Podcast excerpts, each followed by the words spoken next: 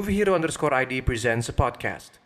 Welcome back to Movie Hero underscore ID presents a podcast. Gue Igor dan hari ini gue bareng sama temen gue Ilham, frequent contributor Movie Hero underscore ID, akan ngebahas sebuah film karya Charlie Kaufman yang gue pribadi udah tunggu-tunggu banget dari sejak di announce. Susah banget untuk dijelaskan atau dirangkum ini film.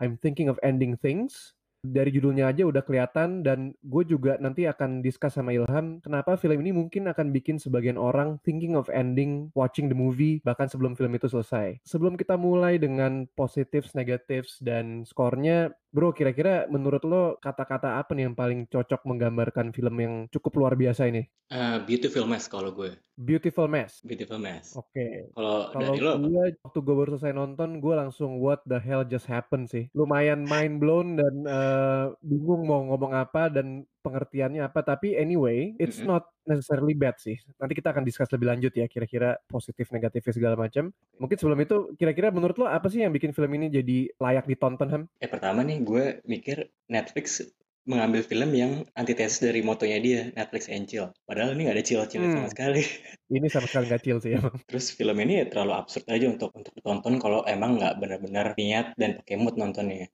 mungkin ada beberapa tipe penonton yang nonton ini tuh yang langsung ketiduran, ada yang bosen, atau emang ada yang benar-benar suka aja langsung penasaran-penasaran gitu kan. Karena gue penasaran banget sejujurnya, dan gue gue nonton film ini baru jam 12 malam lah pokoknya waktu itu. Dari mulai film ini launching, gue lumayan, lumayan nyiapin diri kayak, aduh ntar dulu deh, kayak sekarang nih terus kebetulan momennya pas waktu itu gue pengen nonton bola juga kan nah udah jadi nggak ngantuk kuncinya sebenarnya menurut gue tuh di 20 menit awal sama 20 menit akhir dan Hmm. Apabila 20 menit awal tuh kita kuat tanpa ngeluh kayak, aduh ini apa ya? Ini conversionnya kok boring banget ya dalam mobil terus ngomong ini suasananya dibikin sedemikian rupa biar bosen, biar kayak kita merasakan apa yang dirasakan dua karakter tersebut. Jadi sang saudara tuh pinter sih untuk ngebawa kita ke ke area tuh yang, aduh gila bosen banget nih apa sih yang terjadi selanjutnya? Kalau dari lo gimana? Iya, Ya itu gue setuju banget sih. Kalau nggak salah kan di awal-awal itu 17 menit adegan cuma ngobrol di mobil doang ya. Jujur waktu gue nonton juga sama istri gue, istri gue cuma ngeliatin doang, ini film apaan sih? di mobil doang nggak ngapa-ngapain. Gitu ngobrol, kan. tema nggak penting, ngobrol ngalur ngidul kan. Tapi ternyata kalau kita ikutin dengan benar-benar kalimat-kalimat itu ketahuan sebenarnya apa sih obrolan mereka. Dan setelah gue nonton, gue fokus, gue jadi tahu kenapa judulnya I'm Thinking of Ending Things. Iya. Yeah se semudah itu sebenarnya oh itu oh itu ya gitu. Ternyata oh gitu endingnya gitu sih. Setuju sih. Ini film yang benar-benar menurut gua sebetulnya nonton sekali tuh nggak cukup. Mm -hmm. mungkin pertanyaannya lebih kepada lo bakal mau nonton lagi apa enggak sih sebenarnya? Nah, karena kalau dia kalau buat orang-orang yang adventurous mungkin uh, bakal nonton lagi untuk mencari-cari meaningnya apa sih di balik scene-scene sama dialog dialog-dialog itu gitu kan. Tapi anyway positive things dari gue sih basically kalau lu suka Charlie Kaufman, ini yes. orang kan emang lumayan filmmaker, um, producer, writer yang cukup rebel ya. Dari yeah. mulai dia tuh uh, dia kan yang penulisnya Adaptation sama Being John Malkovich. Dia juga direct Synecdoche New York yang menurut gue one of the most underrated movies of all time yang waktu itu dibintangi sama Philip Seymour Hoffman. Dia di sini bener-bener it doesn't get any more Charlie Kaufman than this. Jadi menurut gue ini kalau lu suka Charlie Kaufman ya definitely harus nonton. Kedua performancesnya dari si aktor dan aktrisnya sih menurut gue gokil banget si uh, duo Jesse ya, Jesse Plemons sama Jesse Buckley. Tony Collette sama David Thewlis itu benar-benar top notch banget actingnya, terutama uh, si Jesse Buckley. Sebelum-sebelumnya nggak pernah tahu banget ini Jesse Buckley main apa dan belum terlalu ngikutin, tapi setelah film ini gue bener-bener jadi penasaran banget di ini orang bakal main film apa berikutnya. Dan si Tony Collette juga actingnya menurut gue gokil sih. Bener-bener dia kan udah sering banget jadi orang-orang sakit ya di Hereditary lah atau di film-film yang lain. Tapi di sini dia a whole different level of sakit ya Lihat dia senyum aja kita udah nggak percaya kan? Kayak padahal dia berniat baik kayak menyambut padahal pasti ada sesuatu nih ya kan? Bener bener bener bener. Uh. satu lagi mungkin yang buat gue positif banget ini surprisingly banyak sentilan-sentilan ke filmmakers atau film-film lain kayak misalnya ada satu adegan tuh uh, salah satu karakternya lagi nonton film kayak romantic komedi gitu terus hmm. directed by Robert Zemeckis terus oh, okay. itu udah gitu di di endingnya gue juga baru nyadar tuh ya And dancing scene atau yang mana nih setelah dancing scene ada adegan yang dia menerima penghargaan di eh, di depan Nobel. di panggung yang Nobel kayak uh. Nobel Prize gitu depan orang-orang. Uh -huh. Gue juga akhirnya nyari-nyari nih apa ya meaningnya ya. Ternyata itu emang copy persis scene di A Beautiful Mind. Oh, oke okay, oke. Okay. Gue kira itu malah itu kayak impian dia waktu kecil pengen apa namanya dia dia appreciate orang banyak. Uh, akhirnya dia kan dapat hadiah jadi orang tuh seneng kayak gue kira kayak gitu awalnya ah, mungkin bisa juga kali ya pas gue cek, cek mungkin itu bisa juga tapi pas gue cek cek ternyata itu sengaja banget katanya dibikin sama persis kayak adegan di film A Beautiful Mind yang dibintangin sama Russell Crowe yang pas adegan si Russell Crowe-nya tuh dapat Nobel Prize kalau nggak salah. Oh, oke okay, oke okay, Nah, itu okay, juga okay. meaningnya persisnya kenapa dia ngopi paste kayak gitu gue juga nggak paham sih. Hmm. Tapi ya hmm. itulah salah satu keunikan film itu. Negatifnya apa nih kira-kira nih? Gue appreciate sama uh, karya Charlie Kaufman di sini. Menurut gue walaupun ini bukan murni dari dia, ini kan dari uh, novel kan sebelumnya kan Ian Reid tau gue. Tapi di sini si yeah, yeah. Charlie Kaufman berhasil mengambil materi Reid terus mengubah menjadi karya sinematik yang menurut gue ya sesuai dengan visinya dan karakteristik uh, Charlie Kaufman di film-film sebelumnya atau di film-film yang ditulis sebelumnya. Jadi film ini menurut gue ya dia bisa banget menginterpretasikan novel tersebut ke visual yang kalau dari gue sih bagus ya. Emang visualnya menurut gue keren banget sih di antara film-film Netflix original yang sekarang ini ya mungkin yang visually paling paling menarik tuh ini sih ya. Terus kayak lu, lu nyadar gak sih rasionya dibuat kotak kan gak widescreen kayak biasa gitu kan? Ini teori gue aja itu kayak itu dalam mimpi gak sih? Mimpi tuh kayak lu gak boleh kotak gak boleh keluar dari zona itu kalau emang widescreen oh. tuh kayaknya tuh dunia oh. nyata. Kayak gue gak sih gue yeah, mikir aja yeah, ke setelah yeah. itu membatasi pandangan kita aja kayak dia tuh kayak sendiri terus gitu kan karakter karakter si janitor itu. Jadi kayak dibikin kayak mimpi aja terus dari awal. Iya pokoknya kan so far kita udah ngomongin yang bagus-bagusnya ya dan kayaknya -hmm. memang di antara pilihan-pilihan yang lain kayaknya emang nih film unik banget dan stand out banget. Negatifnya ada nggak ya kira-kira? Untuk yang nggak suka film jenis ini banyak sih terlalu muter-muter dengan dialog-dialog yang membosankan, dengan karakter yang tiba-tiba hilang, tiba-tiba penggambaran metaforanya itu kan agak-agak menyeramkan dan membingungkan kan. Bisa karakter yeah. orang tuanya jadi muda, jadi jadi tua. Mungkin sebenarnya bukan negatif sebenarnya itu lebih ke apa, lebih ke eksperimen, eks, experience lah, experience nonton sama selera orang sebenarnya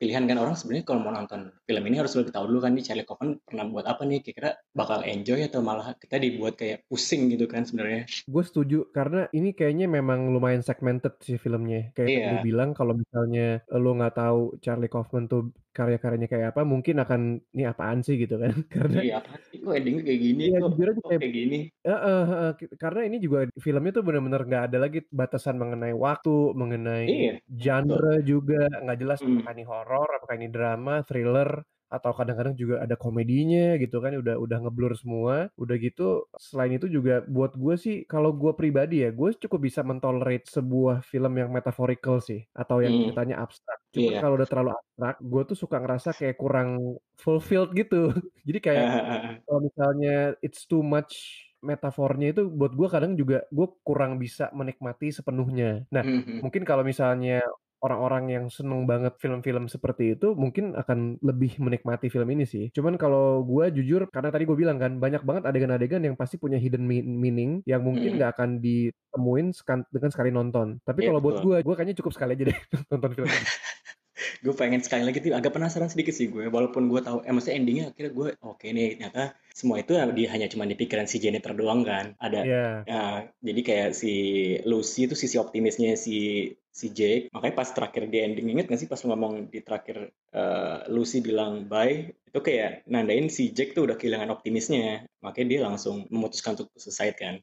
Gue tambahin deh tadi kalau positifnya kenapa gue tertarik film ini karena film ini banyak interpretasi kan. Yang di mana kalau misalnya kita ikutin dari sisi perspektif tertentu tuh film ini emang terkesan tuh kayak nggak masuk akal. Yeah. tapi kalau misalnya kita mikir dari perspektif lain semua make sense sih jadinya. Kayak misalnya kayak penggambarannya kayak dia harusnya kalau dibuat gampang aja kan kayak ini orang depresi merasa terkucilkan nggak dianggap sama orang tua lingkungan dan jadi pengen melakukan kayak mengakhiri hidupnya dengan cara dia sendiri kan. Tapi digambarin oleh Charlie Kaufman diputer-puter diputer-puter dengan cara itu sendiri dengan cara sinematiknya dengan khasnya dia ya jadi seperti ini kayak gitu. Dibuat metafora dengan dicoba untuk eh, berapa simbol-simbol tertentu dengan di membuat setting berubah-ubah, adanya beberapa karakterisasi yang yang menggambarkan kehidupan orang tersebut kan. Itu menurut gue ya sebenarnya make sense itu kayak orang yang merasa kesepian ya untuk apa dia hidup lagi gitu kan. Jadi hmm. gue mengakhiri hidup gitu kan. Yeah, ya kayak gitu yeah, sebenarnya yeah, yeah. kayak gitu.